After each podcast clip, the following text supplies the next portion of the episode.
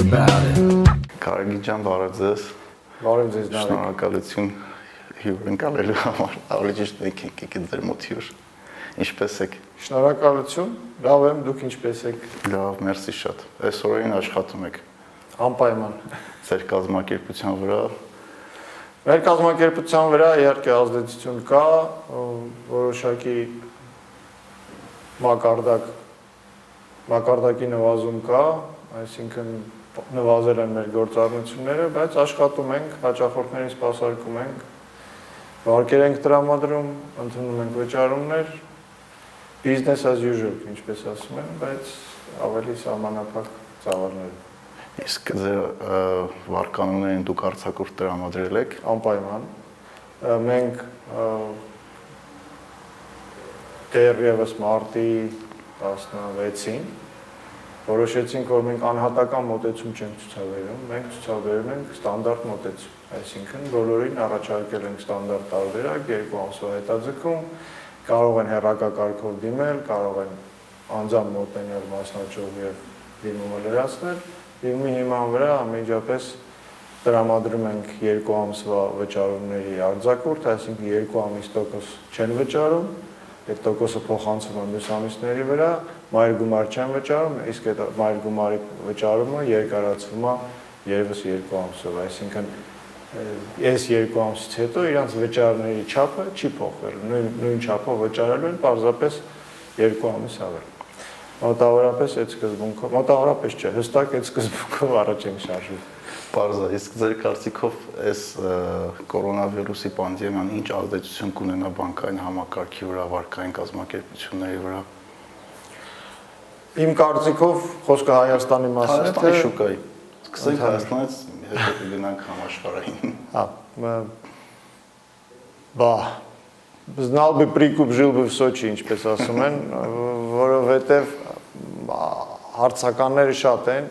անորոշությունը բավականին շատ է։ Ես կարծում եմ, որ թե բանկային համակարգը, թե վարկային կազմակերպությունները կդառնան ավելի ճկուն, հերահար ալիքները ավելի շատ կօգտագործեն հաճախորդների հետ շփման, կդառնան ավելի զգույշ ինչ որ առումով, Բայց 2008-ի փորձը ցույց տվեց, որ այդքան էլ զգույշ չդառան բանկերը։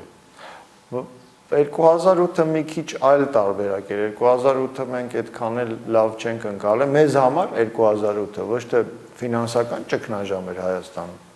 այլ տնտեսական ճգնաժամ էր։ Այսինքն երբ որ սկսվեց ֆինանսական ճգնաժամը, մեզ դա դեռ չհասած, դրսում որոշակի լուծումներ տվեցին եւ մեզ հասավ տնտեսական մասը, մեզ ֆինանսական ճգնաժամը այդքան էլ չհասավ։ Այսինքն ֆինանսական ճգնաժամը մեր մոտ արտահայտվեց փոխարժեքի կտրուկ տատանումով, ինչի արդյունքում որոշակի տնտեսական գործընթացներ խարխլվեցին, հետո եկան նորմալի։ Դրա համար տենց էական ազդեցություն չեղավ։ Այսօր մեր մոտ մի քիչ այլ վիճակ է, այսինքն այսօր մեր մոտ կա իրացվելիության խնդիր ընդհանուր համակարգում, հա, ոչ թե Հայաստանում, այլ աշխարհում, աշխարհով մեկ կա իրացվելիության խնդիր, եւ այդ իրացվելիության խնդիրը կարող է վերածվել տնտեսական ճգնաժամի։ Արդեն որոշակի նվազում կա տնտեսական աճի, այսինքն տնտեսական աճ ամենայն հավանականությամբ չի լինելու եւ լինելու է ցուցանիշը բացասական, թե աշխարհում, թե Հայաստանի համար այդ տրենդից մենք շատ դուրս չենք ընկնելու։ Այդ պարագայում ստեղ հարցը վարկավորումը չի, ստեղ հարցը ընդհանրապես բիզնեսի առողջությունը եւ շարունակականությունը ապահովելն է, այսինքն պետքա պետք է լինել ավելի նորարար, այլապես կարողա չձգես այս ընթացքը։ Դե հա, իմ ընկերների հետ որ զրուցում եմ, որ բիզնես ունի, իրաց մեծամասնությունը ասում է խնդիրը վարկը այդ վարկը որոցեցինք ինչ անենք, մենք չգիտենք ինչ առնելու։ Չեն չեն պատկերացնում դեռ ուր է գնում աշխարհը։ Իրանք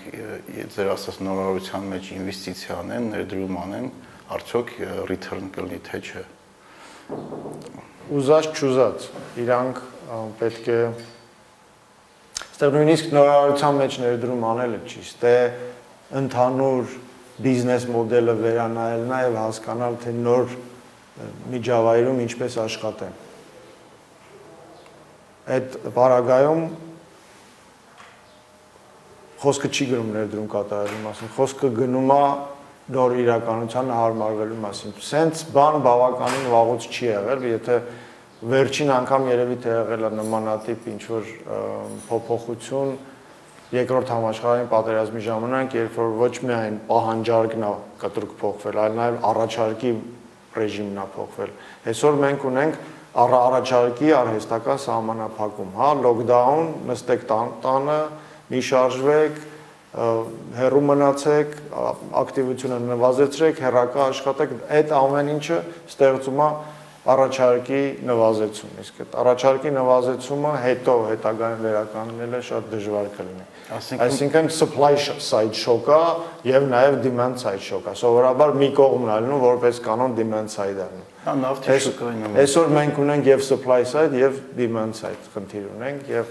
ամբողջ աշխարհում մենք ինչ որ առանձնահատուկ չի մեզ համար։ Հայաստանը տվյալ պարագայում նույնիսկ կարող եմ ասել, որ բավականին ավելի կայուն է, քան շատ ավելի շատ տնտեսություններ։ Իսկ ինչի հաշվին այդ ներկայությունը։ Հետաքրքիր հարց է, ինչի հաշվին է կայունությունը։ Իմ կարծիքով 2018 թվականի ապրիլի իրադարձություններից հետո մասնավորապես տնտեսությունը մաքրվել է։ Դրամի փոխարժեքի վրա ճնշումները էականորեն պակասել են եւ մենք այս շրջանում մտել ենք առանց բերի դրամը մտել է այս շրջան առանց բերի, այսինքն հա դրամը տատանվում է եւ տատանվելու է միանշանակ, դրամը անկախ արժույթ չի, բոլոր ռեգիոնալ ցնցումներից դրամը կախված է, բայց մյուս կողմից, քանի որ դրամի վրա ներքին ճնշումներ չկային, իր փոխարժեքը բավականին կայուն էր եւ ճնշումներ ստեղծված չէր տնտեսությունում այս նոր շրջանում դրամը իրան դրսևորեց ավելի հանգիստ, ինչը լավ է։ Եվ դա դրական է ազդելու Հայաստանի տնտեսության վրա հետագայում, երբ որ Հայաստանը կսկսի դուրս գալ ճգնաժամից, երբ որ բոլորը կսկսեն դուրս գալ։ Սկսենք արտահանել, բայց շատ մասնագետներ ասում են ուժեղ դրամը մեր արտահանման համար կարող է խնդիր լինի, որովհետև մեր հարևանների արտաժույթները բոլորը դոլարի համեմատ թուլացել են։ Ես չեմ կարծում որ դրամը պետք է ուժեղ լինի, բայց կարծում եմ որ դրամը պետք է կայուն լինի։ Այսինքն եթե խոսքը գնում է դեվալվացիայի մասին, այդ դեվալվացիան պետք է շատ կտրուկ չլինի, հանգիստ հանգիստ տեմպերով տեղի ունենա, տեսանելի լինի, կանխատեսելի լինի բոլոր տնտեսական օղակների համար։ Այդ առումով, հա, շատ ուժեղ դրամը ճիշտ չի։ Մենք 2000-ականների սկզբին մեծ սխալ ենք արել դրամը արժեքավորելով եւ ըստ էության մեր մրցունակությունը կտրուկ նվազեցրել ենք այդ տարիներին։ Հենց որ հայ, չեմ կարծում որ դրամը շատ ուժեղ պետք է լինի, բայց ոչ էլ ասես կտրուկ տատանումների մեջ։ Կայուն կայունն ու ուժեղը երկու տարբեր բան է, կարծում եմ որ կայուն պետք է լինի դրամը եւ ճիշտ գնահատված պետք է լինի, ոչ թե ուժեղ կամ թույլ, այլ պետք է ճիշտ գնահատված լինի եւ մենք պետք է աշխատենք մեր ընդհանուր երկրի մրցունակությունը բարձրացնելու վրա։ Բարձր, կան որ դրանից խոսացինք մի հատ հարստան, որը շատ եմ ես լսում, որովհետև մարդկանց մեծամասնությունը չեմ պատկերացնում ոնց է գոյանում դրամի տոկոսադրույքը, ընդհանրապես տոկոսադրույքը բանկերում ինչ կառուցվածք ունի ու շատերը կոչ են անում իջացրեք վարկերի տոկոսները, իջացրեք վարկերի տոկոսները, որ խնդրում եմ այդ կբացատրեք այդ կառուցվածքը, ինչից է գոյանում տոկոսադրույքը ու ինչի չի հնարավոր արհեստական իջացնել տոկոսադրույքները։ Օ Մի քանի տեսություն կա, լավ, եկեք ես տենց մագիստրալ հիմնական հատվածները ասեմ, ուրեմն տոկոսադրույքները գոյանում են մի քանի բաղադրիչ ունեն, հա։ Եթե խոսենք ընդհանուր տնտեսության մեջ գոյություն ունեցող տոկոսադրույքներից, տոկոսադրույքները տոկոսադրույքների առաջին շարժիչ ուժը դա առաջարկն ու պահանջարկն է, այսինքն եթե կա փողի նկատմամբ պահանջարկ, փողի նկատմամբ պահանջարկը ըստ էության ձևավորվում է երկրում եղած տնտեսական հնարավորություններից, այսինքն եթե ներդնելու հնարավորություն կա, եթե տնտեսական աճի մեջ մասնակցելու հնարավորություն կա եւ այդ տնտեսական աճի մեջ մասնակցելը ենթադրում է ներդրում, մարդիկ պահանջարկ են ներկայացնում բանկային համակարգին փող ներգրավելու, թե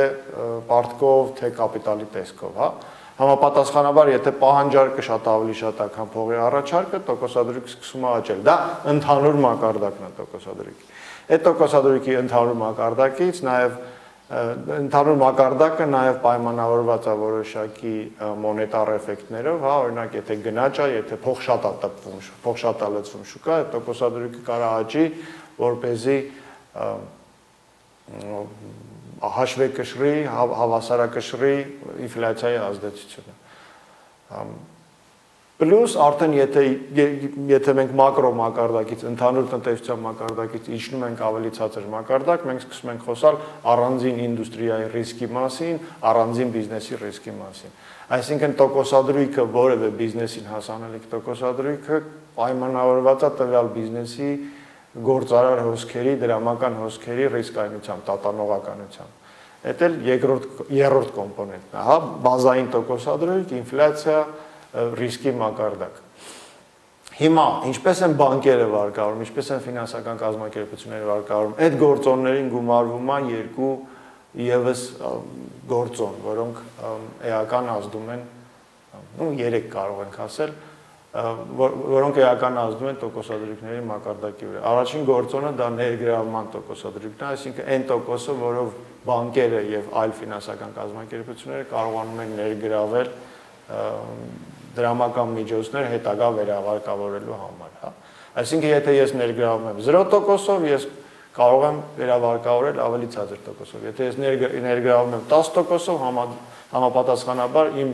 տրամադրվել տրամադրվելիք տոկոսադրույքը կլինի 10% ավելի բարձր։ Դա մի գործոնն է եւ Հայաստանում այսօր բավականին ցածր տոկոսադրույքների միջավայր է ձևավորվել ավանդների դաշտում, հա, ավանդները բավականին ցածր են։ Դա պայմանավորված է երկու հանգամանքով։ Առաջին հանգամանքային է, որ ըստ էության փող կա։ Երկրորդ հանգամանքային է, որ տնտեսական լոկդաունի պայմաններում պահանջարկ չկա այդքան փողի, դրա համար ավանդների տոկոսները բավականին նվազել Երկրորդ գործոնը, որը ազդում է տոկոսադրույքի մակարդակի վրա, վարկառուներին հասանելիք տոկոսադրույքի մակարդակի վրա, դա բիզնես ռիսկերն են, ներողություն, բիզնես ռիսկ։ Հա, այսինքն լավ, անցնում երկրորդ գործոնը դա բիզնես ռիսկերն են, այսինքն եթե վարկառուն հավաքում է վարկերի պորտֆել, հա, այդ վարկերի մի որոշ մասը գնում է ժամկետանց, որոնց հետ պետք է աշխատել եւ ընդհանրապես միգուցե այդ գումարը հետ չի գալիս, այսինքն դա ծախս է, որը ինչ որ ձևով վերաբաշխում է ընդհանուր տոկոսադրույքի վրա։ Դա երկրորդ գործոնն է եւ կա երրորդ գործոն, դա վարկավորող կազմակերպության, բանկի, վարկային կազմակերպության գործառնական ծախսերի մակարդակն է, այսինքն աշխատավարձները, տարածքի վարձավճարները, այլ տեսակի գործառնական ծախսեր։ Այդ գործառնական ծախսերը պետք է հոգալ եւ այդ գործառնական ծախսերը ինչ որ ձևով արտահայտվում են տոկոսադրույքի մակարդակի։ Եթե երկրորդ կետին հետ գանք, այսինքն այն մարդիկ կամ կազմակերպությունները, որոնք իրանց վարկը չեն ուզում, դա ազդեցություն է ունենում բարեխիղճ միանշանակ բարեխիղճ ինչ որ չափով ապահովագրական մոդելն է աշխատում։ Առողջները վճարում են հիվանդների համար։ Հետաքրքիր է ուրիշ տարբերակ չկա։ Դրա համար բանկերը եւ վարկային կազմակերպությունների այսօր երկու մոդել կա, հա, աշխատանքի։ Մի մոդելը անվանենք պայմանական բարձր տոկոսադրույքով մոդել, մյուս մոդելը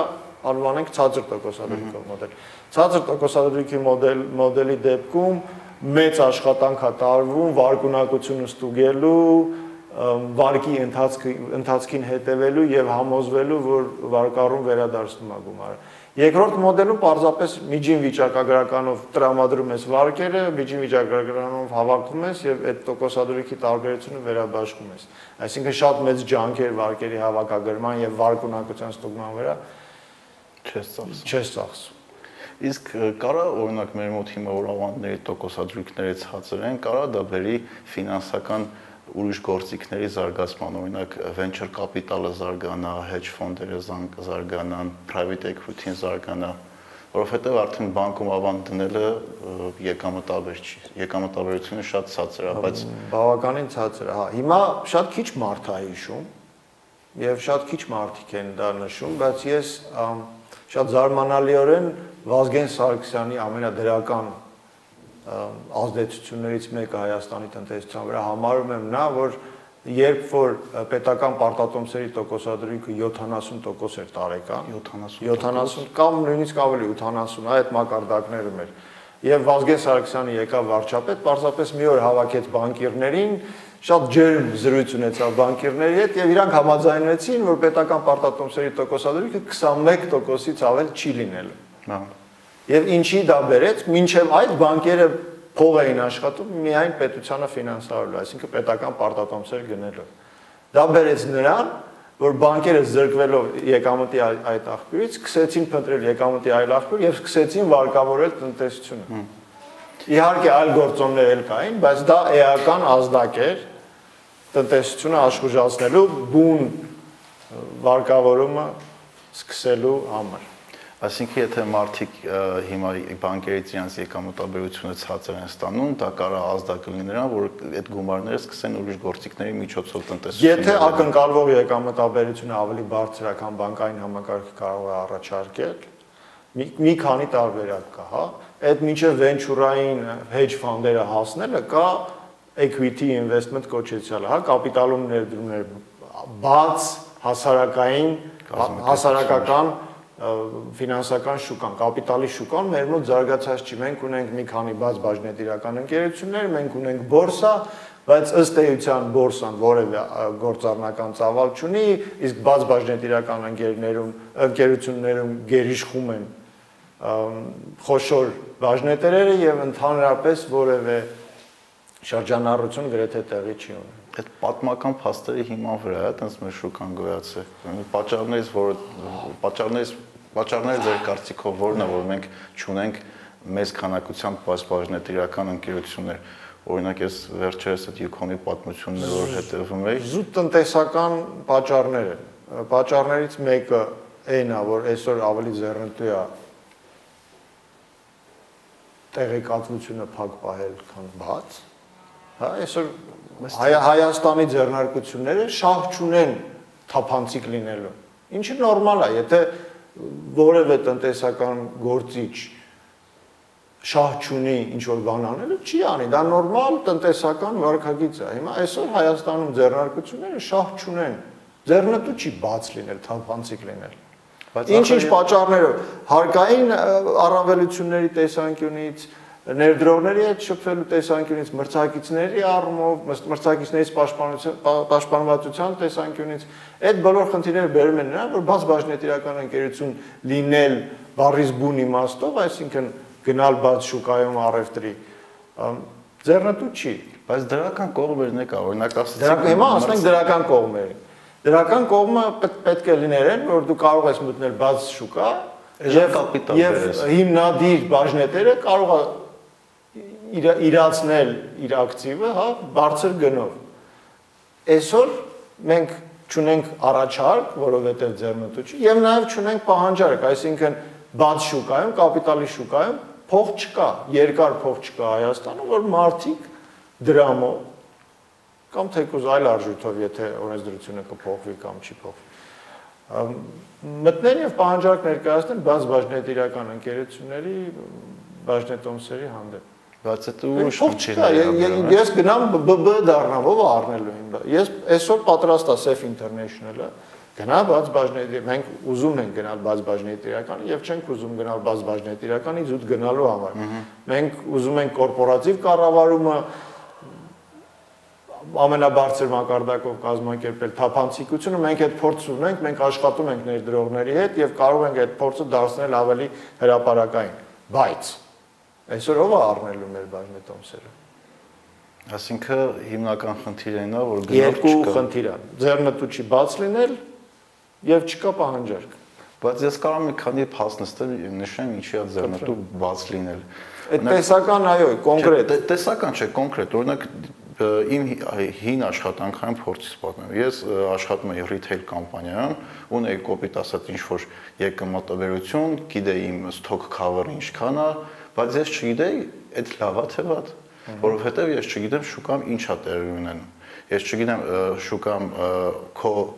պահեստի շրջանառությունը 60 օր է, միջինում 50 օր է, 10 օր է, կես տարի է, Այդ թվերը մենք չունենք ու Armstat-ից դու շատ քիչ ինֆորմացիա կարող ես գտնել, որը քեզ պատկերացում կտա շուկայի մասին բայց եթե կամպանիաները բաց աշխատեին, բոլորս կիմանայինք ընդհանուր շուկայի վիճակը ոնց է, ու մենք ինվեստիցիա կանենք կամ ինչ-որ ստրատեգիկ որոշումներ կայացնենք ոչ թե փակ աչքերով, այլ կիմանայինք որտեղ ոնց ենք խաղում։ Այսօր Հայաստանում այդ ինֆորմացիան հասանելի չի։ Այդ ինֆորմացիան կարող եք ինդուստրիալ միությունների միջոցով, ասոցիացիաների միջոցով կազմակերպել։ Մարդիկ չեն ուզում կիսվել այդ ինֆորմացիայով։ Որովհետև ձեռնտու չի, դա տենց ինչ որ մանր հարց է, այդքան էֆեկտ չի տալիս։ Հատկապես եթե մենք այս վերջին 2 տարին վերանանք, նախկինում այդ հարկերից խուսափելը ավելի ձեռնտու էր։ Բոլոր բիզնեսների համար, ու դա բիզնեսի թերությունը չի, դա մեր հարկային դաշտի թերությունն է։ Կան թափանցիկ լինել եւ նորմալ հարկերը վճարել։ Այսինքն օրենսդրական դաշտում փոփոխություններ է պետք ունենալ այս ամեն ինչ իրականություն դարձնելու համար։ Ոչ միայն օրենսդրական դաշտում, այլ օրինակ առաջին հերթին սեփականության ինստիտուտի ամրապնդումն է անհրաժեշտ Հայաստանում։ Այսօր մենք ասում ենք մենք ազատ շուկայական տնտեսություն ենք կամ չենք ասում, որ ես ես 90 90-ական թվականներից եմ գալիս եւ այդ ազատ շուկայական տնտեսության գաղափարախոսությունը ինձ շատ հարազատ է։ Գաղափարախոսություններից ամենա կենտրոնական գաղափարախոսության կենտրոնական թեզերից մեկը այն է, որ պետքա սեփականության ինստիտուտը լավ պաշտպանված լինի։ Այսօր մենք Հայաստանում այդ պաշտպանվածությունը չունենք։ Այս եկավ նրանից խլեց, այն եկավ սրանից խլեց, հա, այդ սեփականության իրավունքի հարցը պետքա հստակ կազմակերպել օրենսդրական դաշտում չունենք, թե եւ օրենսդրական դաշտում չունենք, եւ մշակույթում չունենք, եւ դատական որոշումներում չունենք, Այսինքն կոմպլեքս փոփոխություններ։ Կոմպլեքս փոփոխություններ է պետք։ Այսօր մենք որպեսզի հասարակական վերահսկողություն դնենք մեր պետական համակարգի վրա, ամենալավ գործիքը այն է, որ դու կարող ես դատի տալ պետության դեմ եւ շահել։ Այսօր պետության դեմ շահած գործերից մեծ մասը հարկայինի դեմ գործերն են, որոնք սենց այդքան սկզբունքային չեն, հա։ Հա, եղբայր, եղբայր, էսել հարկանին դատը տողը հիպոթեկով նորակառույց էին առը, մի քանի ամիս հետ տվեցին գումարը, հետո ասեցին թղթերի հետ խնդիր կա, ու սկսեցին չվճարել, երկու տարի դատական գործերի մեջ է։ Ու անընդհատ զգզգվում այդ գործը։ Նու մի խնդիրներից մեկն է նաև որ դատավորների ծանրաբեռնվածությունն էլ է շատ մեծ։ Դե ծանրաբեռնվածությունն էլ պետք է ինչ որ ձևով փորձել փոխել։ Այսինքն մենք խոսում ենք ինչ որ մեծ հարցերի մասին, Բայց երբ որ խորանում ես եւ կան կոնկրետ աշխատանքներ անելու, տեղ այնքան արդյունավետության կորուստ կա բոլոր դաշտերում մոտ, սկսած հիվանդանոցներից վերջացրած դատական համակարգերով, այսօր ամենաարդյունավետ աշխատողը թերևս բանկային համակարգն է, բայց այնքան արդյունավետության բարձրացման թեմաներ կա բոլոր բանկերում, այսօր կարելի է արդյունավետություն եւ վարկային կազմակերպություններում եւ հատուկ բանկերը չեմ նշում արդյունավետության բարձրացման խնդիր ունենք մենք այս երկրում քանի մարդ է այդ ուղղությամբ աշխատում Իմ կարծիքով շատ քիչ, բայց դուք որպես մեծ կազմակերպության ղեկավար ինչ քայլեր եք ձեռնարկում շատ ջեներիկ էլի սպეციფიկ ձեր բիզնեսին չվերաբերվող ինչ քայլեր կարելի է ձեռնարկել ոնց թիմ թիմի մեջ ինվեստմենտ անել թիմը ամրապնդել որ քո կազմակերպությունը քո թիմերը դառնան ավելի արդյունավետ ու կարողանան այդ փոփոխություններին ճիշտ արձագանքեն ու անընդհատ իրանք էլ փոփոխվեն, ոնց որ փոփոխվում է մեր environment-ը, ընդհանուր դաշտը բիզնես։ Կամա թե ակամա բոլորս փոխվում ենք։ Բայց երբ որ դու սկսում ես խոսալ փոփոխությունից եւ հայտարարում ես, որ դու փոփոխություն ես անում, բոլորը փոփոխության կողմ են։ Մինչև դա գալիս հասնում է իրանց դուրը։ Այդ հայտնի մեմա դառը։ Դե ինչ ենք մենք անում։ Մենք փորձում ենք անել փոփոխություն օրինակով, այսինքն եթե մենք ինչ որ բան ենք հայտարարում, կազմակերպության ղեկավարությանը ղեկավարությունը առաջին հերթին փորձում է որթեգրել այդ մոտեցումը, ինքն անել դա եւ օրինակ ծառայել կազմակերպության մնացած աշխատակիցներին։ Բացի այդ, փոփոխությունը ինքնին ինքնանպատակ չի, այսինքն եթե մենք ասում ենք փոփոխության կարիք, մենք ասում ենք այս այսօրվա վիճակը, այս Մենք դժգոհ ենք այսօրվա վիճակից, որովհետև էս էս էս էս պատճառները կան, եւ մենք տեսնում ենք պայծառ փայլուն ապագան, որտեղ մենք պիտի գնանք եւ դրա համար մեզ պետք է այս փոփոխությունը։ այ այդ ամեն ինչը բացատրելուց հետո ավելի հստակ է դառնում ինչի են բոլորը այդ դժվար ճանապարհով անցնում։ Իսկ փոփոխությունը շատ դժվար ճանապարհ է։ Որևէ փոփոխություն ենթադրաբար բարեփոխում առանց ցավի չի լինում, այսինքն եթե մենք խոսում ենք բարեփոխման մասին, ռեֆորմի մասին, դա ենթադրում է ինչ-որ բան սխալ է եւ ինքն իրան չի ուղղում, որովհետեւ կան խանգարող գործոններ, այսինքն այդ փոփոխություն անելը շատ դժվար է, որովհետեւ կա մեծ դիմադրություն, թե բնական, թե արհեստական եւ այդ դիմադրությունը հաղթահարելը համար մեկ խնդիրն է։ Ինձ թվում է բիզնեսի մեջ դա մի քիչ ավելի հեշտ է, քան public sector-ում։ Գիտես ինչի՞ Ինչի։ Որովհետև բիզնեսի մեջ նպատակները հստակ են, հասկանալի են։ Եկամտաբերությունը տեսանելի է, չափելի է։ Հստակ է, բարդ անպային ձևակերպում չի։ Ուսուցումը նաև բանը մենեջմենթը ռեյտինգի խնդիր չունի կամ վերընտրվելու։ Էդ էլ կա, էդ էլ կա, դե դեմոկրատիայի ամենամեծ խնդիրներից մեկը, ասենք ասենք, ղեկավարության կարճատեսությունն է ամբողջ աշխարհում ընդունված խնդրեմա որ քաղաքական գործիչը մտածում է 4 տարով իսկ պետք է մտածել երկիրը առաջ տանելու համար պետք է մտածել 10-15 տարվա կտրվածքով առևտրային կազմակերպությունում էլ այդ խնդիրը կա բայց թերևս մի քիչ ավելի քիչ եթե կոպիտ ասած ղեկավարը եթե լավ է աշխատում բաժնետերերը գոհ են այդպես փոփոխության խնդիր չի լինում 4 տարում, լինում է 10 տարում, 15 տարում կամ 20 տարում։ Դե այս մի հատ research էի կարդում, որ բիզնես ղեկավարներին համեմատում էին պոլիտիկների հետ ու բիզնես ղեկավարների միջին կյանքը իրանց պոզիցիայով շատ ավելի համարը երկու անգամ ավելի երկար է, քան պոլիտիկի կյանքը իր top պոզիցիան։ Մի առավելություն էլ կա, իհարկե, դու փորձում ես բոլորին ներգրավել, փորձում ես ընդհանուր ներառական որոշումներ կայացնել, բայց օրվա վերջում դու կարող ես նաև դիկտատոր լինել եւ բրթել այն որոշումը, որը դու ճիշտ ես գտնում։ Եվ իհարկե դու պատասխանատու ես այդ որոշման համար եւ վերջում քեզ են հարցնելու այդ որոշումը, որ ընդունել ես, արդյունք ստացել ես, թե չէ։ Այսինքն այ այդ դեմոկրատիայի անորոշության հարցը ինչ որ ձևով վերանում է եւ որպես կանոն որոշումները մի քիչ ավելի լավն են լինում։ Ու բիզնեսի մեջ, բիզնեսի մեջ, բիզնեսի մեջ, ես չեմ խոսում հասարակական միջավայրի մասին։ Բիզնեսմենը skin in the game ունի։ Կաշին խաղի մեջ է, դու պատասխանատու ես քո որոշումների համար։ Դե, հա, ինչ որ առումով քաղաքական գործը չկարա թռնի յուրաքանչյուր պահի։ Եթե շատ համը չի անել։ Հետն բյուջե կա։ Դա բյուջեն կա ծախսելու մասին է խոսքը, ոչ թե ստեղծելու մասին է խոսքը։ Այդ այդ հարցերը մի քիչ ավելի Այդ էլ է իրական ռեալ խնդիր հասարակություն։ Ես այսօր տեսնում եմ, որ բիզնեսմենների ու բիզնեսի հանդեպ այն լայն մասաները շատ վատ վերաբերմունք ունեն, բայց չեմ պատկերացնում, որ բիզնեսն արժեք ստեղծում։ Այսինքն բանկեր կլինեն, վարկային կազմակերպություններ կլինեն, սուպերմարկետներ կլինեն, խանութներ կլինեն, IT կամպանիաներ կլինեն, իրանք ստեղծում են ինչ-որ մի արժեք, դրա համար հաճախորդ իրան վճարում, ու այդ վճարած գումարի ինչ-որ տոկոս ինքը տալիս է պետությանը։ Պետությունը ինքը եկամուտ ստեղծող աղբյուր չունի ու մարդիկ չեն կարող դա անցալեն իրականում դա մեր post-սովետական բարթույթն է երբ որ բնակչության ահռելի մաս ենթադրում է որ պետությունը պետք է իր համար հոգա այդ ֆիկցիա որը ստեղծվել է սովետական տարիներին եղել է ռոպագանդա իրականում սովետական պետությունն էլ առանձնապես շատ չի հոգացել իր բնակիչների կարիքները, հա։ Եղել են որոշ հատվածներ, որտեղ պետությունը սուբսիդավորել է լիքը ծախսեր, հա, բնակարանների, կրթության, առողջապահության թեմայով հանգիստ հա, հանգ, հանգստի թեմայով իհարկե այդ այդ ամեն ինչը եղել է, բայց երկարաժամկետ կտրվածքով փաստորեն սովետական միությունը բանկրոտ ա եղել։ Այսինքն երբ որ մենք նայում ենք երկրի փլուզման պատճառները, առաջին հերթին այդ պատճառները տնտեսական են եղել։ Այսինքն այդ ամեն ինչը սուբսիդավորելը երկիրը չի կարողացել ստեղծել միջավայր, որտեղ արժեք կգեներացվի։ Ամբողջ երկիրը նստած էր նավթային դոլարների վրա։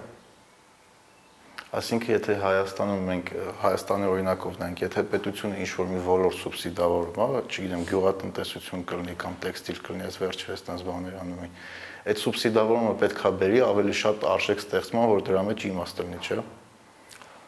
Միանշանակ երկարաժամկետ կտրվածքով այո։ Իսկ քանի որ սովետական կան իրականում կան մի քանի մոտեցումներ եւ ինչպես ասում են, այդ գաղտնիքը դետալների մեջ է, հա, ասենց կարելի է երբ որ դու կարդում ես Հայաստանի Հանրապետության օրենքները, ասենց առաջին նախադասությունը գերազանց նախադասություն է, բայց երբ որ խորանում ես այն վերջին կետին ու փորձում ես հասկանալ դա ոնց է իրականացում, տեսնում ես, որ լիքը թերություններ կա։ Այսինքն կոնկրետ սուբսիդավորումը, կոնկրետ ծրագիրը, կոնկրետ ոլորտը պետք է հասկանալ, թե ինչքան ժամկետով է, ինչ նպատակ է, որոնք են deliverable-ները, հա, ոնց է ստանում դու այդ արդյունքը, ինչի համար ես դա անում։ Ես ըստ էության դեմ չեմ, բայց դա չի կարա լինի միշտ, դա չի կարա լինի մի ոլորտի համար ու շատ երկար ժամանակ։ Այսինքն եթե մենք ասում ենք, եկեք մենք տեքստիլը զարգացնենք մեր, մոտ, եկեք 5 տարվա պրոտեկցիա տանք, հա, կզարգանա, հետո կամած-կամած phase out կրնենք։ Okay, Կամ եթե մենք ասում ենք, այ մենք ունենք զբաղվածության խնդիր, դրա համար մենք որոշակի արտոնություն ենք տալիս։ Հասկանանք այդ զբաղվածության խնդրի ծախսը ինչքան է, հասկանանք այդ արտոնությունը ինչ է նստում ու հասկանանք թե դրանցից որն է լավ։ Մենք ուծե պարզապես արժի այդ մարդկանց թոշակ վճարել եւ այդ ինդուստրիային չտալ արտոնություններ։ Ես չգիտեմ, ես կոնկրետ օրինակ վերեցի տեքստիլի վրա գաղափար չունեմ, չեմ կարող ասել ճիշտ էր, սխալ էր։ բայց այդ բոլոր քայլերը որոշակի անալիտիկա պետք է ունենան տակ։ Պարզը։ Իսկ քանի որ սովետը Պարզապես հենց քաղաքական որոշում կայացնել, որ այ զբաղվածության խնդիր կա, պետք է մենք այդ հարցը լուծենք տեքստիլը զարգացնելով, դրա վերջնական հետևանքը ո՞րն է։ Արդյոք քո տեքստիլը մրցունակ ալնելու համաշխարհային մակարդակով։ Միգուցե ես չգիտեմ, ես չեմ անդում որ դա սխալ է։ Բայց այդ հարցերը պետք է պետք է հարցերը տալ, պատասխանները իմանալ։ Իսկ ով պետք է այդ հարցերը տա։ Հա, որ ասեմ պետությունը ստացվում է, որ ես ես ընդհանրապես մինիմալ պետության կողմնակից եմ, բայց որոշակի մակարդակով թեկուզ բիզնեսները պետք է այդ հարցերը լուծումները գտնեն պետության հետ միասին եւ որոշակի լուծումներ տան որտեվ լոգիկայի առումով որ նայում ես պետությունը ինքը իրան հարց տա, այդ հարցի պատասխանը տա, մի քիչ կոնֆլիկտ կա տեղ էլի։ Դե դրա համար մենք ունենք պետության 3 ճյուղ առնվազն, այդ ճյուղերը պետք է իրարից անկախ լինեն, պետք է որոշակի կոնֆլիկտ լինի այդ ճյուղերի միջև, եւ այդ կոնֆլիկտի արդյունքում պետքա տեղի ունենա վերահսկողություն։ Այդ checks and balances-ը հենց նենց չի, դա աշխատող գործիք է, երևի ամենաաշխատող գործիքներից մեկն է։ Ու երբ որ մարդիկ բողոքում են դրանից, նշանակում է այդ գործիքը աշխատում է։ Հա։ Երբ որ չեն բողոքում, նշանակում է այդ գործիքը գոյություն չունի, այսինքն եթե մենք ստեղ խոսում ենք պարլամենտ, կառավարություն հարաբերության մասին, այդ գործիքը պետք է լավ աշխատի, այսինքն որոշակի բանավեճ պետքա գնա եւ նաեւ հասարակական այլ ինստիտուտների միջև, հա շատ երկրներում կան հասարակական օղակներ, որոնք պետություն չեն, բայց որոշակի շահեր են ներկայացնում, որոշակի վերլուծություններ են անում եւ որոշակի օրակարգ են մատուցում հանրությանը։ Նորմալ դիսկուրս է դա։ Բարձր։ Այդ օղակները մենք չունենք, այսինքն մենք think tank-եր չունենք կամ նոր ձևավորում են կամ չկան, որոնք բարձրացնում են ռազմավարական հերանեկարային հարցեր։ Փորձեր արվում է, հա, մի քանի երևի նախաձեռնությունը բոլորս էլ գիտենք, հա, որ մարդիկ փորձում են Հայաստանի երկարաժամկետ 50-100 տարվա զարգացման թեմաները քննարկել լայն բաց շրջանակներում հուսով եմ որ դա ավելի կհստակեցվի եւ պետությունն էլ պատրաստ կլինի կառավարությունն էլ պատրաստ կլինի համագործակցելու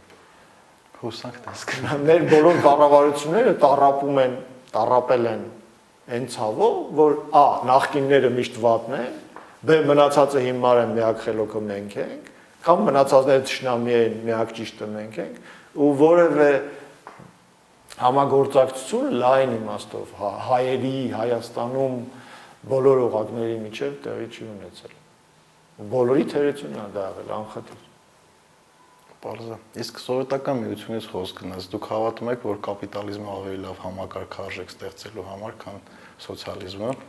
Ես հավատում եմ հետեւյալին, որ այդ սահմանումները մի քիչ կեղծ էին։ Եվ հավատում եմ բաց շուկային։ Ես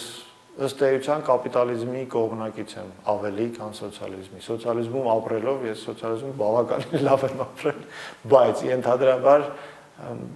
երկրի մրցունակության երկարաժամկետ կայունության տեսանկյունից կապիտալիզմը ավելի ճիշտ ազդակներ է տալիս։ Բայց նաև բերում է հարստության ոչ հավասարաչափ բաշխման։ գիտես, ոչ հավասարաչափ բաշխումը վատ չի Այդ ոչ ոչ հավասարաչափ բաշխումն է բերում դինամիկայի, այսինքն եթե մենք ուզում ենք ստատիկ գերազանց միջավայր եւ ենթադրում ենք, որ բոլոր ինփութները լինելու են ստատիկ, սոցիալիզմը շատ ընտիր է, հատ ֆիքսում ես, ամեն ինչ բաշխում ես, ցենց մեռած գնում է։ Բայց դա չի կարա տենց լինի։ Պատմության ընթացքում մենք չենք տեսել որևէ։ Մենք միշտ ենթադրում էինք, որ պետությունը ամենակայուն օղակն է, չէ՞։ Քանի պետությունով անցանք Այսօր բիզնեսները մեր կյանքի ընթացքում դա ֆիկցիա է ֆլուիդ է ամեն ինչ այսինքն մենք ոչ թե պետք է հասկանանք թե ստատիկ ինչ լավ միջավայր ենք ստեղծում այլ պետք է հասկանանք թե դինամիկ փոփոխությունների ընթացքում մենք լավագույնը ոնց են գոյատևում իսկ դա կապիտալիզմն է իհարկե կապիտալիզմը ունի իր թերությունները իհարկե որոշակի խնդիրներ գոյանում են անընդհատ բայց սոցիալիզմը դրա լուծումները չի տալիս Բարձը, երեք մի հատ ֆիլմ էի նայում, ամերիկյան, բանը Սպոմնից Տիտանով։ Հենց ամերիկյան high school-ի ֆուտբոլի պատմություններ ու ես դե Ամերիկա, ես էլ եմ Ամերիկա դպրոց սավարտը, հիշեցի բանը, այդ այդ կոնկրետ մեր դպրոցը։ Մեր դպրոցում տենց տենց ընտիր հոգի կար, էլի բոլորը սպորտով էին զբաղվում։ Այդ դպրոցի ֆուտբոլի թիմը, որ պետքա խաղար ու ամեն ուրբաթ երեկոն սաղ դպրոցով ընտանիքներով հավաքվում էին այդ տոններ, տենց կար օրկեստր, cheerleader-ներ, robotics-ի կլաբ, նկարիչների կլաբ, թատրոնով զբաղվող ու այդ ամերիկյան այդ դպրոցում ես զգացի այդ համայնքի համայնքի ուժը մոտիվացիան ու ձգտումը դեպի ավելի Օրինակ ես երբ որ Հայաստանում սովորում էի, այդ մոտիվացիան հայկական դպրոցներում չտեսա։ Իսպար բացակայում է։ Իսպար բացակայում է։ Ամերիկայում ես այդ իմ մեջ այդ մոտիվացիան մտավ։ Հիմա չեմ փորձում Ամերիկայի գովք անեմ, բայց բայց պատմում եմ իմ փորձը, որ ու այդ կապիտալիզմի որոշ արժեքներ, որ դու պետքա ձգտես առաջ գնաս, ինչ որ արժեք ստեղծես, փորձես լավագույնը լինես, չգիտեմ, քո ակումբում, քո դպրոցում, քո քաղաքում, քո community-ում ընդեղից իմ մոտ այդ արժեքները եկավ, դուք էլ Հարվարդի համալսարանն եք ավարտել, ոնց եք մտածում, այդ արժեքները մոտիվացիայի որ ու այդ community ոնց կարող ենք բերել մենք Հայաստան ու ինչ քայլեր է դրա համար պետք անել որովհետև կապիտալիզմի այդ ձեր ասած գաղափարներից մեկն է որ եթե կա անհավասարություն ոնց որ դուք նշեցիք դու պետքա ձգտես որ դու էլ հասնես այդ բարձրին հով բարդ խնդիր է։ Առաջին հերթին ամերիկացիների մեծ մասը երբ որ մտածում է ապագայի մասին, միանշանակ ապագան տեսնում է իր երկրում։ Իր երկրում է տեսնում միանշանակ ապագան։ Այսինքն մենք ասում ենք ամերիկացիների կույր են, աշխարհը չեն տեսնում եւ այլն, բայց մյուս կողմից իրանք իրանք ապագան իրանք երկրում են տեսնում, իրանք երկիրն են հասկանում որպես իրանք գործունեության դաշտ։ Այսօր Հայաստանում հայերի մեծ մասը ունի մի քանի տեղ գնալու տարբերակ երկու շաբաթից։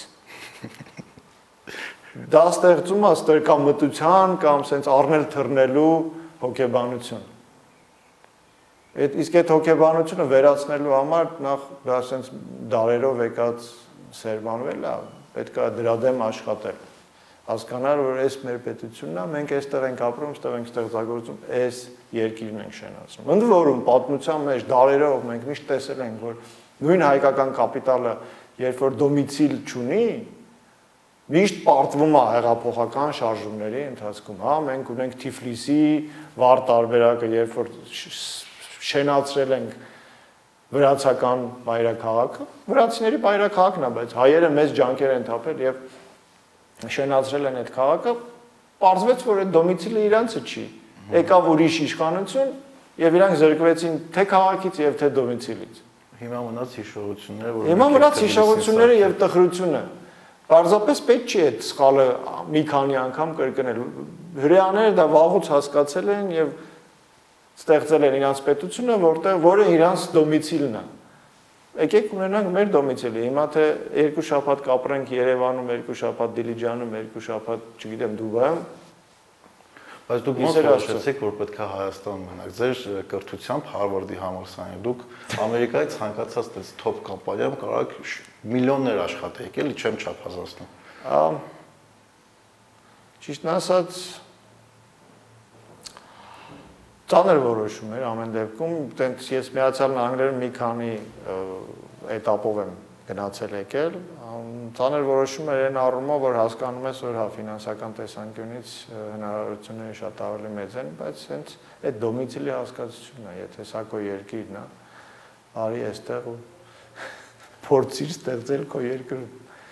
արժեք ստեղծի շարքեր վճարի։ Ֆրանկ Սինատրան մի հատ լավ երգ ունի, ասում է, եթե ստեղ կարող ես անել, ամենտեղ կարող ես անել։ Նյու Յորքի մասին էր խոսում ինքը, իմ առաջի կրթությունն ամերիկյան Նյու Յորքում ա եղել։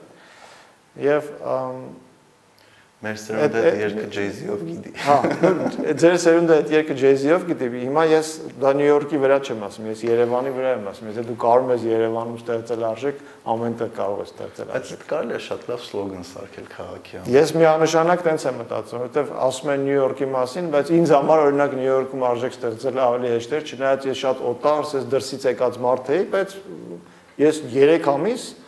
դեպրեսիայի մեջ է, որովհետև ոչ մեկ շանտեղ չէր դրում։ Հետո հասկացա, որ դա դեպրեսիա չի, դա ազատություն է։ Դու կարող ես անել այն ինչ դու ես ուզում։ Երբ որ ես դա հասկացա, սկսեցի քայլեր ձեռնարկել, ասենք ես սկսեցի աշխատել 3 պրոֆեսորի վրա, իրանք ինձ ամիսներով չէին տեսնում, ես արդյունքը տանում տալիս էի, իրանք բողոքում էին, բախի չես գալիս, գրում ասում եմ, արի նայենք։ Քանակը արված է, արված է։ Որակից գոհես, գոհես, բա գամ ես ինչ անեմ կոմը ու տենց դու սկսում ես հասկանալ, որ այդ երկիրը այդ քաղաքը մասնավորապես շատ երկրի մասին շատ բան չեմ կարող ասել, բայց այդ քաղաքը գնահատում է քո արդյունքը։ Իսկ Երևանում շատ ավելի բարդ գործոններ են աշխատում հաջողության հասնելու համար։ Դրա համար ես ենթադրում եմ, որ Երևանում հաջողության հասնելը ավելի դժվար է, քան Նյու Յորքում։ Հա, ֆակտորները իրոք ստեղ շատ են։ Որոշեցինք, որ Երևանում ենք փորձում արժեք ստեղծել, ես չեմ փոշմանել, չնայած մեկ-մեկ ջղայնանում եմ։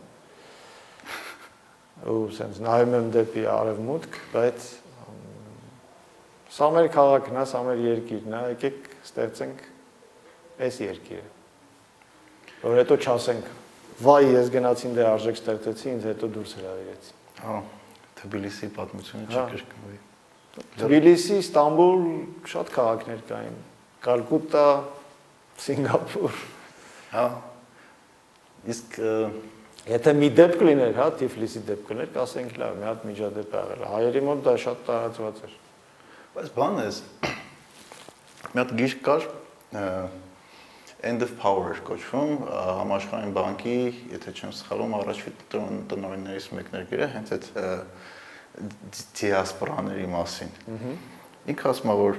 առաջ, եթե օրինակ մեր մոտ այդ Հայաստանը մենք բոլորս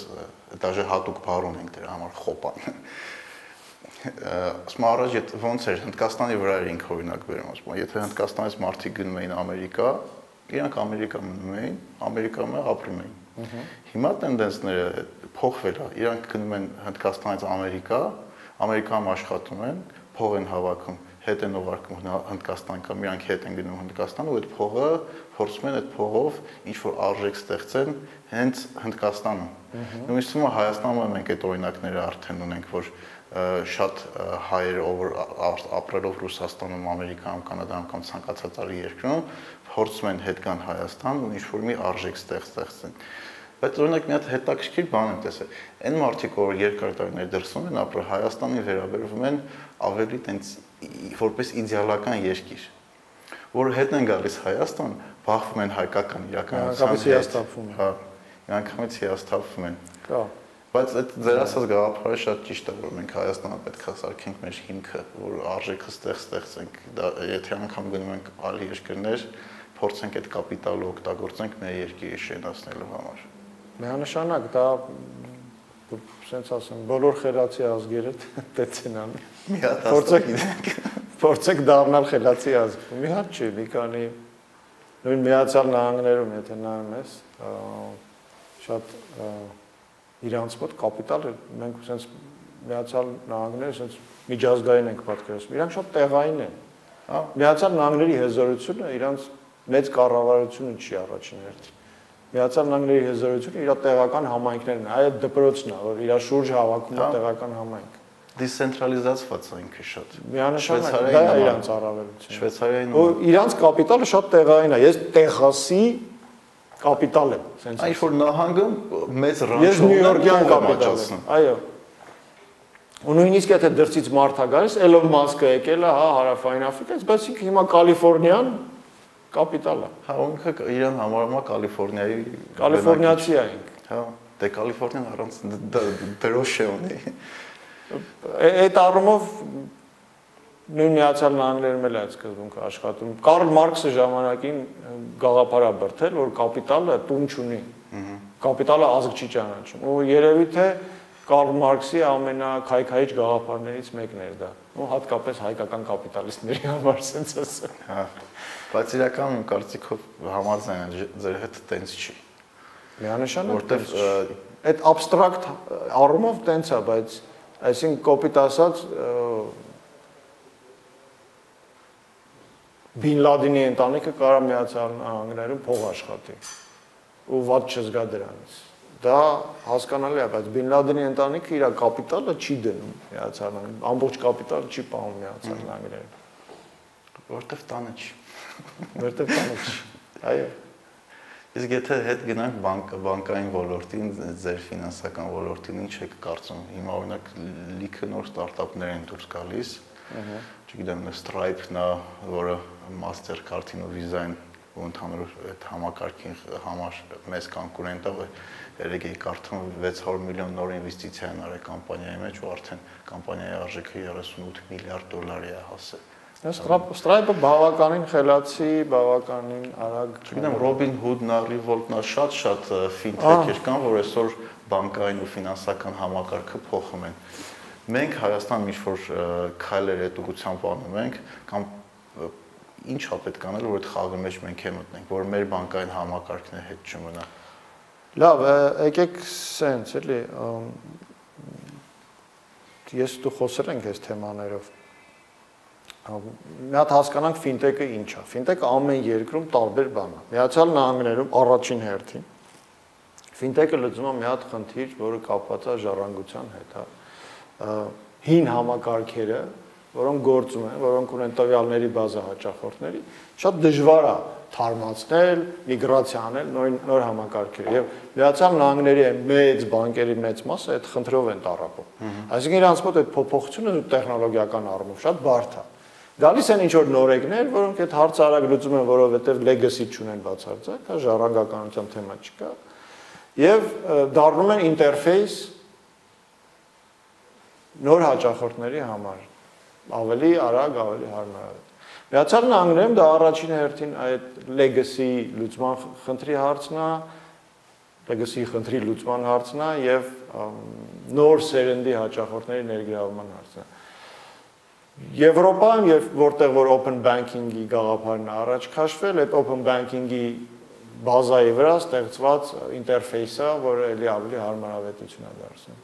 Այլ երկրներում, օրինակ աֆրիկյան երկրներում, դա leapfrog-ի հարց է, երբ որ հետամնաց բանկային համակարգերը դու մոռանում ես, միանգամից բերի նոր լուծում ես տալիս։ Հա։ Մեր մոտ ինչ խնդիր ենք լուծում։ Այսինքն եկեք հա- հասկանանք, թե ֆինտեքը Հայաստանում ինչ խնդրեմ է լուծում։ Հայաստանի բանկային համակարգը բավականին թարմ է։ Հայաստանի բանկային համակարգը բավականին, ասենց ասեմ, տեխնոլոգիապես զարգացած է։ Պետք է հասկանալ, թե ինչ խնդիր ենք լուծում, ինչ խնդրի լուծման կարիք կա։ Հայաստանում որոշակի քայլեր ձեռնարկում են, հա, մենք ունենք մի քանի տեսակի ըմ, ֆինտեքեր, հա, ֆի- ֆինանսական ը, տեխնոլոգիական կազմակերպություններ, որոնք հիմնականում եկել են վճարահաշվարկային դաշտից։ Եվ ունենք բանկեր, որոնք իրենց mobile banking-ի application-ներն են առաջ տանում։ Այդ երկու ուղղությունից հասած ինչ որ ը, գալիս մրցակցությունը եւ նորարարությունը բանկերը որպես այդպեսին այդպես մեծ կարիք չունեն այդ նորարարությունը անելու։ Եթե մենք նայում ենք թե որտեղից է գալիս նորարարությունը բանկային հավաքարկում ֆինտեքի առումով, այդ են բանկերն են, որոնք ինչ-ինչ պատճառով ցուցակի ներքևում են գտնվել եւ ուզում են միանգամից թռնեն վերև։ Ինչը նորմալ է, շատ հասկանալի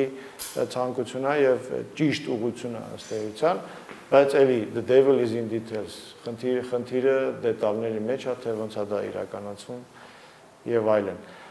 Սենց ասեմ, եթե մենք խոսում ենք օպտիմալության տեսանկյունից եւ խոսում ենք հաճախորդների հարմարավետության տեսանկյունից, լիքը բաներ կա անելու, մենք էլ մեր կազմակերպություններ նախաձեռնել է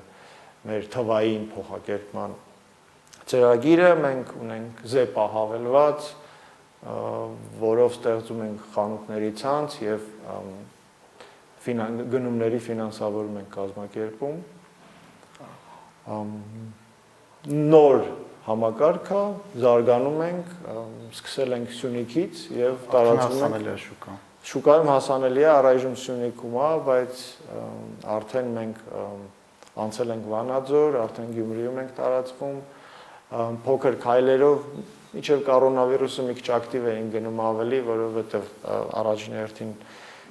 խանութների ցանցի ներգրավման հարց կար։ Հիմա մենք ավելի դանդաղ ենք գնում, բայց կհասնենք։ Ասենք ինքը հավելված է, որի միջոցով մարդիկ կան անեն ապարիկ գնումներ։ Հա։ Ու ինչ ինչ ինքը ինքը հավելված է, որտեղ մարդիկ ունեն կարող են դիմել վարկային գծի, ստանալ վարկային գիծը եւ այդ վարկային գծի միջոցով առևտուր կատարել։ Այսօրվա դրությամբ մենք ունենք 500 խանութ, մոտավորապես 500 խանութ։ Իսկ ինքը գրում է, որ ինչ գնումի համար, թե Հա, իհարկե նշում այդ խանութը ինչ որ ինֆորմացիա տալ այդ գնման հետ կապված, ինքը դիմում է միանգամից այդ գումարը փոխանցում։ Չէ, ինքը սկզբից դիմում ստանում է վարկային գիծը ու կա խանութների ցանց, յուրաքանչյուր խանութը դու կարող ես գնալ վճարել։ Այսինքն ինքը այդ գումարը չի կարող one click վարկերի նման cash-ը հանի նպատակի վրա։ չկա։ Հա։ Cash-out չկա, որովհետև մենք աշխատում ենք այն ամենափոքր խանութների հետ։ Այսօր ասում եմ, մենք ունենք արդեն 500 խանութ։ Այդ 500 խանութների մեծ մասը Սյունիքում փոքր խանութներ են։ Հա, հա, հետաքրքիր է։ Այդ այդ խանութները մեծ բանկերի հետ չեն կարողանում աշխատել։ Հա, հավելվածը կա, հեռախոսից մեջ է ցույց կտամ։ Անպայման։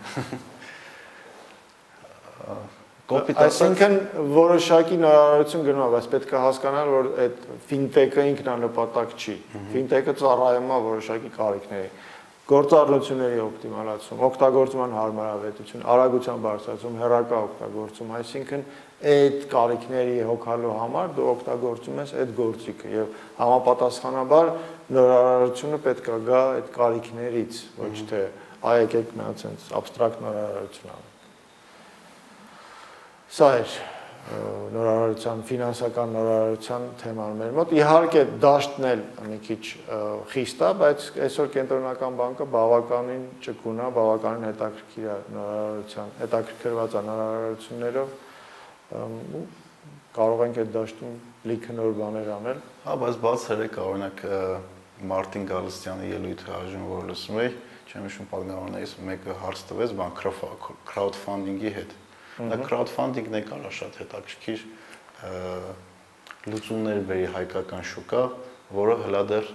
ռեգուլյացիա չի արվում կենտրոնական բանկի կողմից։ Մենք եղել ենք առաջի կազմակերպությունը Հայաստան Հայաստանի Հանրապետությունում, ով բացել է, ստեղծել է crowdfunding պլատֆորմա։ Մենք այդ պլատֆորման 3 ամիս շահագործել ենք եւ փակել ենք լավ պրոյեկտների բացակայության պատճառով կար ֆինանսավորում, մարդիկ պատրաստ էին փողներ դնել, ունեին կորպորատիվ սպոնսորներ եւ այլն եւ այլն, այսինքն առաջարկ պահանջարկի տեսանկյունից ամեն ինչ լավ էր դրված բայց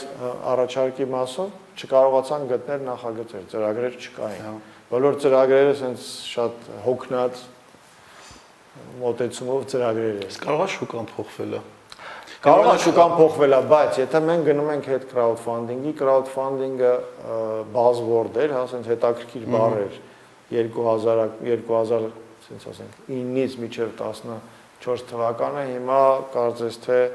հասել է պիկին եւ գնում է ներքև եւ դարել է ինչ որ նիշեվոյ նիշը սենց հա նիշ հատված է զբաղեցնում այսօր որտեղ եթե Kickstarter-ի մասին խոսենք Kickstarter-ը պիկը տվել է իջնում է ու երևի այդ մակարդակներում կմնա, ինքը դարել է ավելի շատ են էնտուզիաստների սոցիալական ցանց, քան ռեալ ֆինանսավորման գործ։ Դե Kickstarter-ը իրական լուրջ խնդիրներ ունի։ Kickstarter-ը Indiegogo-ն է, hardware-ի հետ կապված պրոջեկտների մեծամասնությունը երբեք իրականություն չեն դառնում։ Hardware is hard։ Դե հա ամեն կամպանիա չի որ կարող անի։ Բայց Հայաստանում է տենդենսներ կա, օրինակ հիմա ահագին տենց ստարտափ ինկուբատորներ են բացվել, ինչ-որ VC-ների նման ինչ-որ կազմակերպություններ են բացվել։ Կան, կազմակերպություններ։ Ես այդ դաշտում մասնակցում եմ որոշակի։ Հատուկ Sema Startup Summit-ի մասնակցում եք։ Հա, որոշակի մասնակցություն ունեմ, որ ասեմ շատ տպավորված եմ մեր նորարարական մտքով սուտ կլինի։ Կան որոշակի նախաձեռնություններ, բայց երևի թե մի քիչ ավելի համարձակ պետք է լինել մյուս կողմից էլ շուկան էլ փոքր է, մյուս կողմից էլ լավ գաղափարները դանդաղ են ստեղ ի հայտ գալիս, որովհետև այդ շրջանառությունը չկա։ Եվ մի քիչ կտրված ենք համաշխարհային հոսքերից։ Այդ երևի թե այդ հարցը պետք է լուծել։ Օրինակ եթե Ուկրաինայի շուկայի հետ համեմատենք մեր շուկան, Ուկրաինան տարեկան ավելի շատ նոր IT-շնի կա ի հայտ գալիս, քան ընդհանուր մեր IT շուկան։ Դե դեմոգրաֆիկ Ну դեմոգրաֆիկ 50 միլիոնանոց երկիր են, մենք ինչքան ենք 3 միլիոնանոց երկիր ենք, բնական է։ Մեր ամենամեծ խնդիրն է Հայաստանի ամենամեծ խնդիրն է, որ փոքր փոքր երկիր է։ Չնայած մյուս կողմից էլ նույն Էստոնիան, ասենք, է փոքր երկիր լինելով բավականին առաջատար դիրք է ունի, հա։ բայց ամեն դեպքում մեր մոտ էլ է IT-ն բավական արագ զարգանում, բայց մենք որպես երկիր համակարգված մոտեցում չունենք IT-շնիկներ ստեղծելու մասով, հա։ Էլի մասնավոր նախաձեռնություններն ինչը գերազանց է, պետք է պարզապես փորձել բազմապատկել այդ նախաձեռնությունները։ Եթե մենք կարծում ենք, որ IT-ն է մեր ապագան։ Իրական ես կասկածներ ունեմ, որովհետև մեզ ոչ թե մեծ քանակությամբ IT-շնիկների թիվա պետք, այլ կոնկրետ այդ ոլորտում արժեքա պետք ստեղծել, որովհետև նու ընկերս ինքը բանը արխիտեկտոր է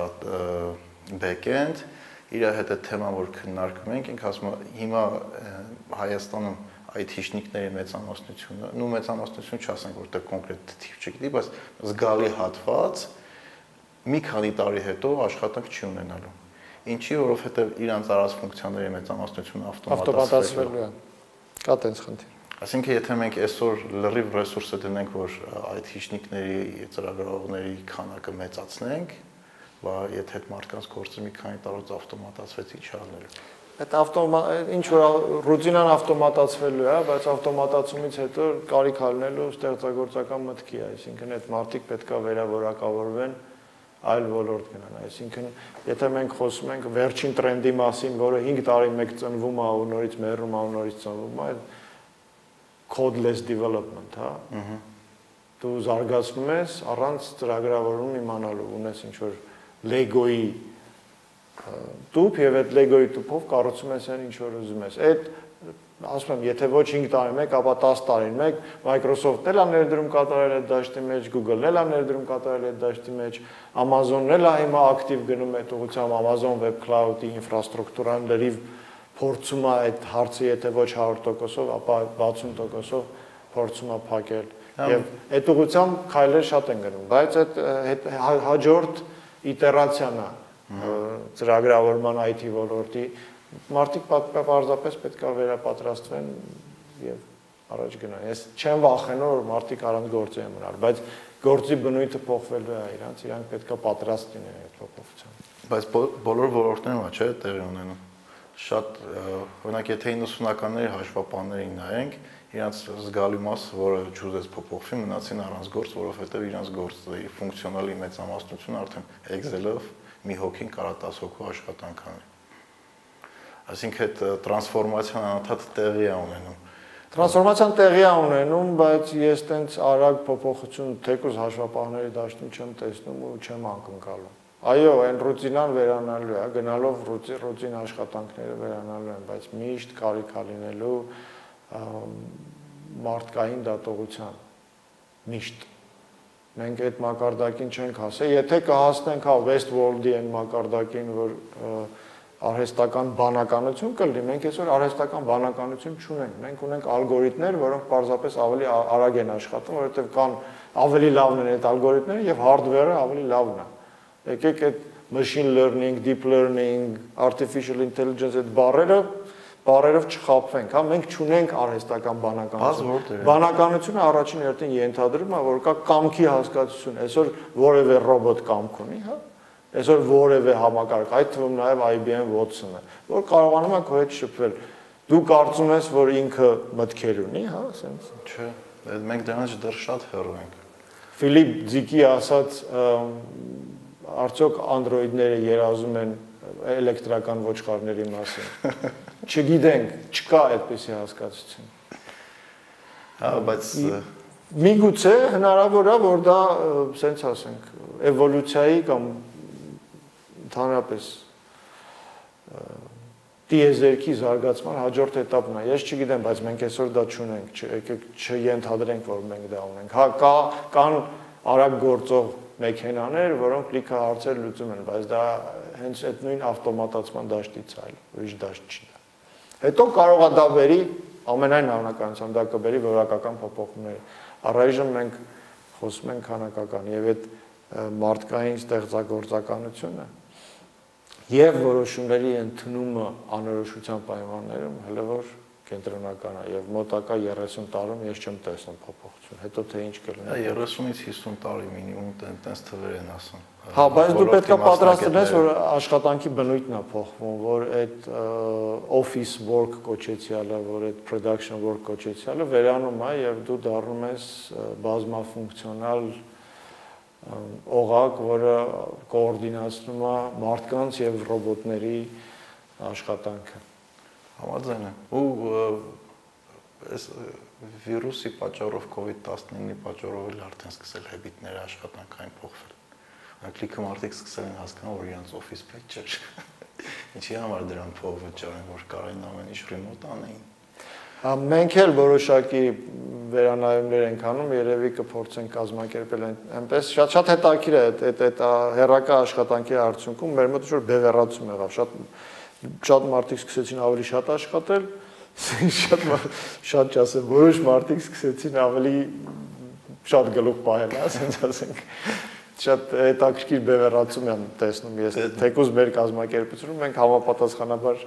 քայլեր կձեռնարկենք այդ ուղղությամբ, բայց նաև մտածում ենք, որ remote աշխատանքը դարձնել ավելի հիմնական համապատասխան shared office space-եր ստեղծել եւ այլն եւ այլն եւ նույն եղած տարածքում ավելի շատ աշխատանքի հնարավորություն կազմել։ Սա տանից աշխատանքի որակը կախված է դու քանի անգամ ես բան սառնարանի դուրը բացը։ Ինչքան շատ է շփում։ Դե մենք այստեղ էլ սառնարան ունենք 3 հատ խոհանոց ունենք։ Տես խտիր չունենք, բան ուրիշ է։ Հա։ Ես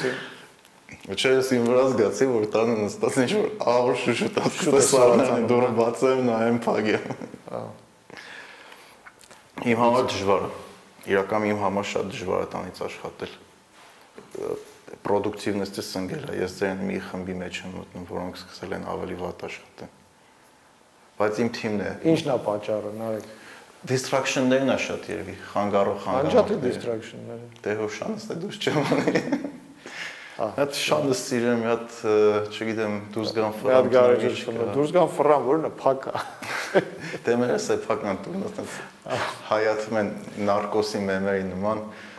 կանգնում եմ այդպես կաչելի կողքը։ Մտածում եմ ինչ անելու, որ AI-ը մեր աշխատանքները վերցրել։ Համար չի վերցնելու AI-ը ձեր աշխատանքները Բայց այդ գաղափարը քննարկում են արդեն։ Օրինակ, բանը Ամերիկան ինչ որ քաղաքներից մեկը չեմ հիշում, basic income-ի փորձ էին արել, որ մարդկանց ամեն ամիս 1000 կրոն, չէ 1000 կրոն հիմա են տալի, 1500 դոլար փող էին տվել։ Այդ ուրիշ հարց է, որ լիքը մարդ այս COVID-ի արդյունքում պարզվեց, որ լիքը նստած է, ոչինչ չի անում, բայց տնտեսությունը չի կանգնել, սա շարժվում է, ինչ որ essential կոչեցյալ շղթաները չեն վերացել։ Ու դե հասկանում ես, որ ահագին մարդ պարզապես Դե դա արժեք չէր ստեղծում։ Հա, այդ գաղափարն եկա, չէ, կոչվում է Bullshit Jobs։ Որ այդ աշխատանքները կան ըլնելու համար։ Ռուսական գրականության մեջ դա կոչվում է օֆիսնի պլանկտոն, հա։ Օֆիսնի պլանկտոն, հա։ Այդ հա, այդ կա։ Այդ պարագայում որն է ավելի ճիշտ ուրջեցնել աշխատատեղերը, թե աշխատատեղերը օպտիմալացնել եւ պարզապես մարդկանց ապահովել basic income։ Բայց մարդիկ ուզում են օգտակար լինեն։ Թող օգտակար լինեն։ Օրինակ իմ ամենամեծ վախերից մեկը, որ ես ոչ մեկին պետք չլինեմ, ոչ մի բան չկարենամ ստեղծեմ, ոչ մի օգուտ չտամ։ Ես չեմ պատկերացնում այդպես, էլի։ Ամ դե յուրաքանչյուր մարդու համար դա տենց մի քիչ վախենալու են մղձավանջնի գիշերային մղձավանջների շատ միս ուտելուց հետո սկսում ես մղձավանջներ ունենալ այդ այդ մղձավանջների թեմայից է որ դու ոչ հոգի պետք չես, բայց մյուս կողմից էլ դու կան հոգեբանական տեխնիկաներ, որ սկսում ես մտածել, որ դու քեզ ես պետք, որ դու լավ ես արժեք ստեղծել քեզ համար։ Հա։ Բայց հա, սենց ասենք, չնայած այդ կոնսումերիզացիան շատ մեծ է եւ բոլորս սպառող ենք եւ բոլորս էլ սպառել սիրում ենք, կյանքի իմաստը թերևս երևի սպառումը չի։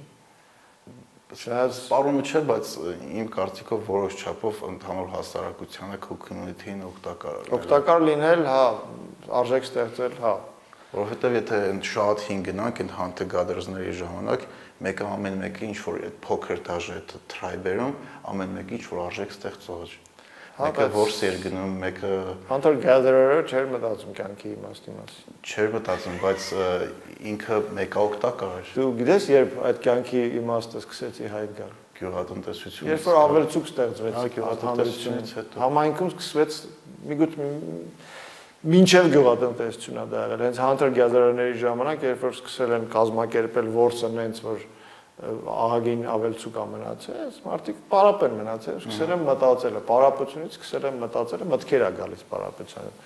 ընթացքում, մասնավորապես կյանքի իմաստի, դիեզերքի, աստվածների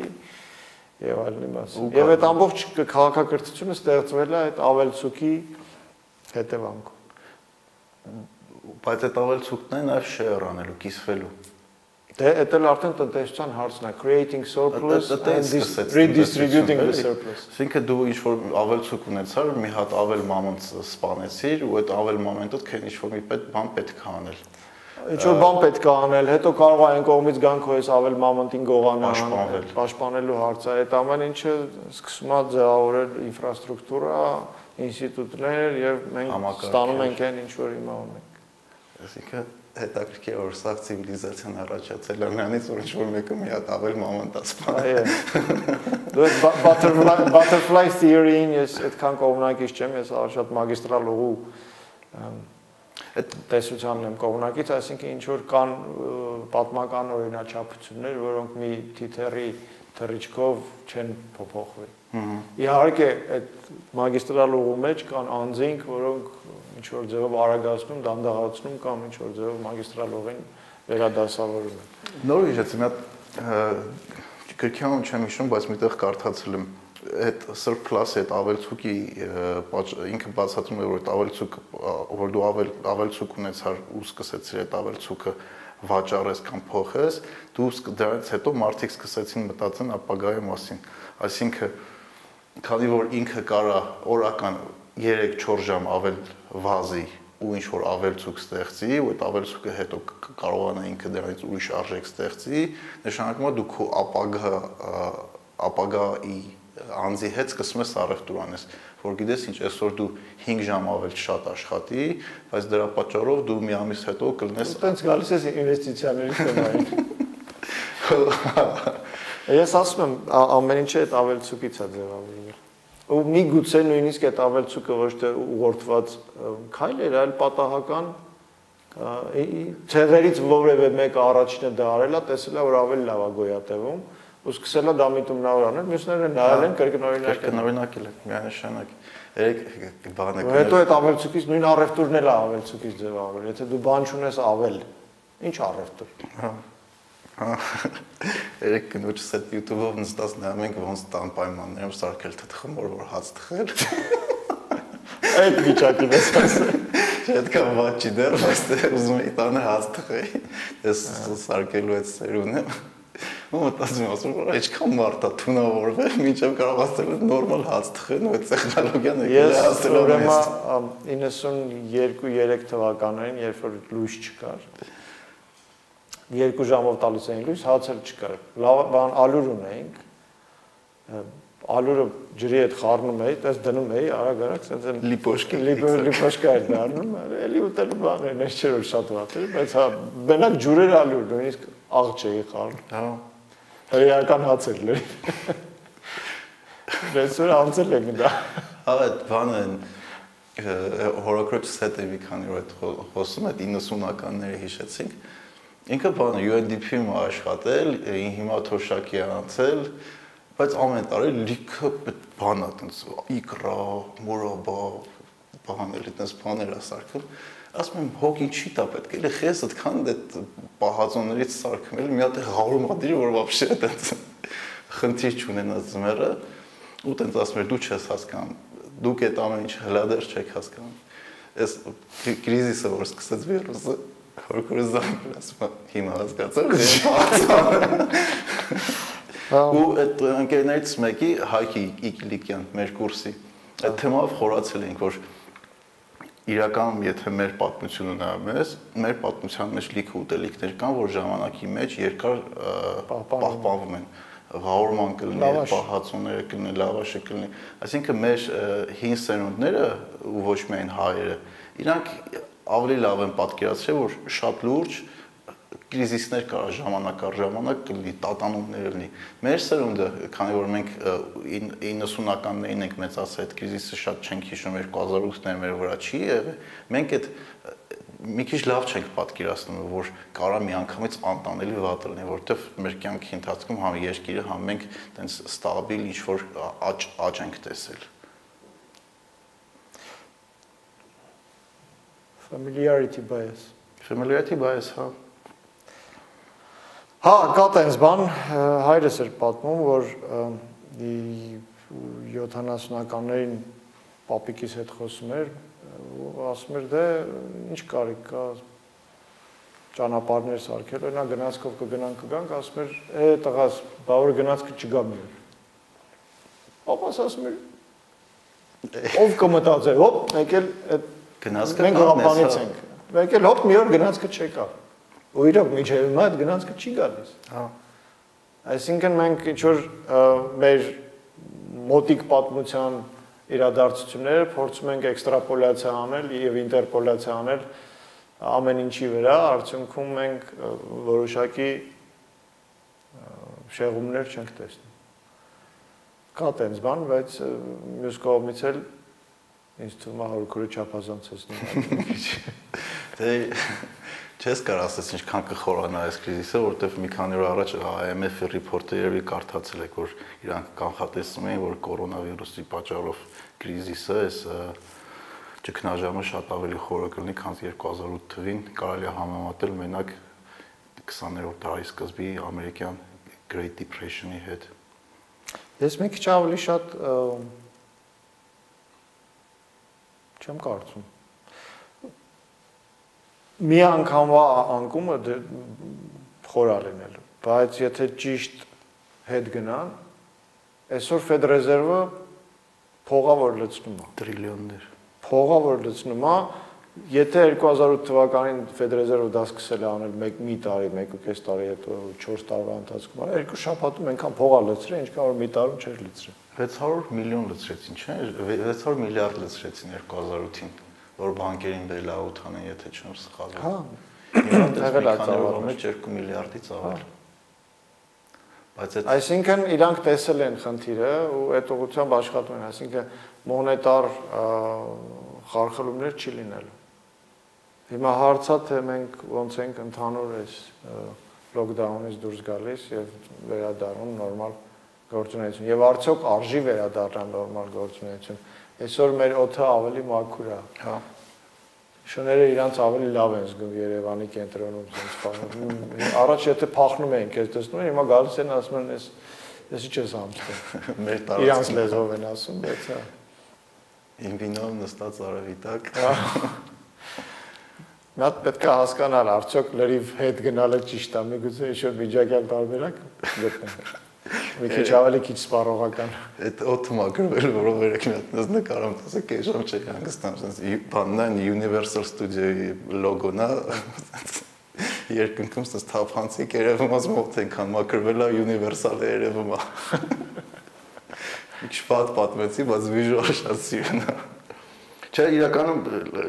Universe is visible։ Հա, իրականում լիքը հարցեր Նաև ես թվա ժամանակ տվեց, որ մարդիկ լիքը հարցերի շուրջ սկսեն մտածեն։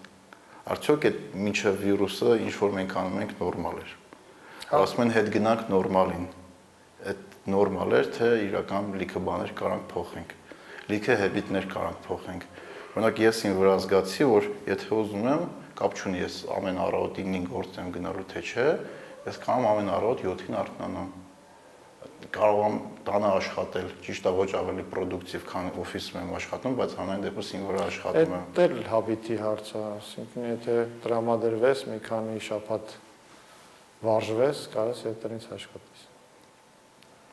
Բայց դա էքստրավերտների համար դժվար է։ Դե արդեն գալիս է կյանքի իմաստին, ավելցուկին եւ հետագնում այդ tribal հարցերին։ Այսինքն, եթե բան անենք, վերջացնենք մեզ զրույցը, մեզ պետք է անընդհատ ինչ-որ ավելցուկ հա ստեղծել, որ էկոնոմիկան առաջ գնա։ Ըստ էության, հա։ Ավելցուկի ստեղծման, ժառանգման, վերաբաշխման հարցերն են։ Ամբողջ մարդկային քաղաքակրթության ընթացքում մի հատ է հարց տամ ու վերջ։ Քանի որ վերաբաշխում ձեր կարծիքով տեղի կունենա վիրուսից հետո կապիտալի։ Օրինակ կապիտալի մեծ վերաբաշխումներ մենք տեսել ենք համաշխարհային պատերազմների ժամանակ, Great Depression-ի ժամանակ 2008 թվին որոշ չափով այս վիրուսը կարող բերի նրան, որ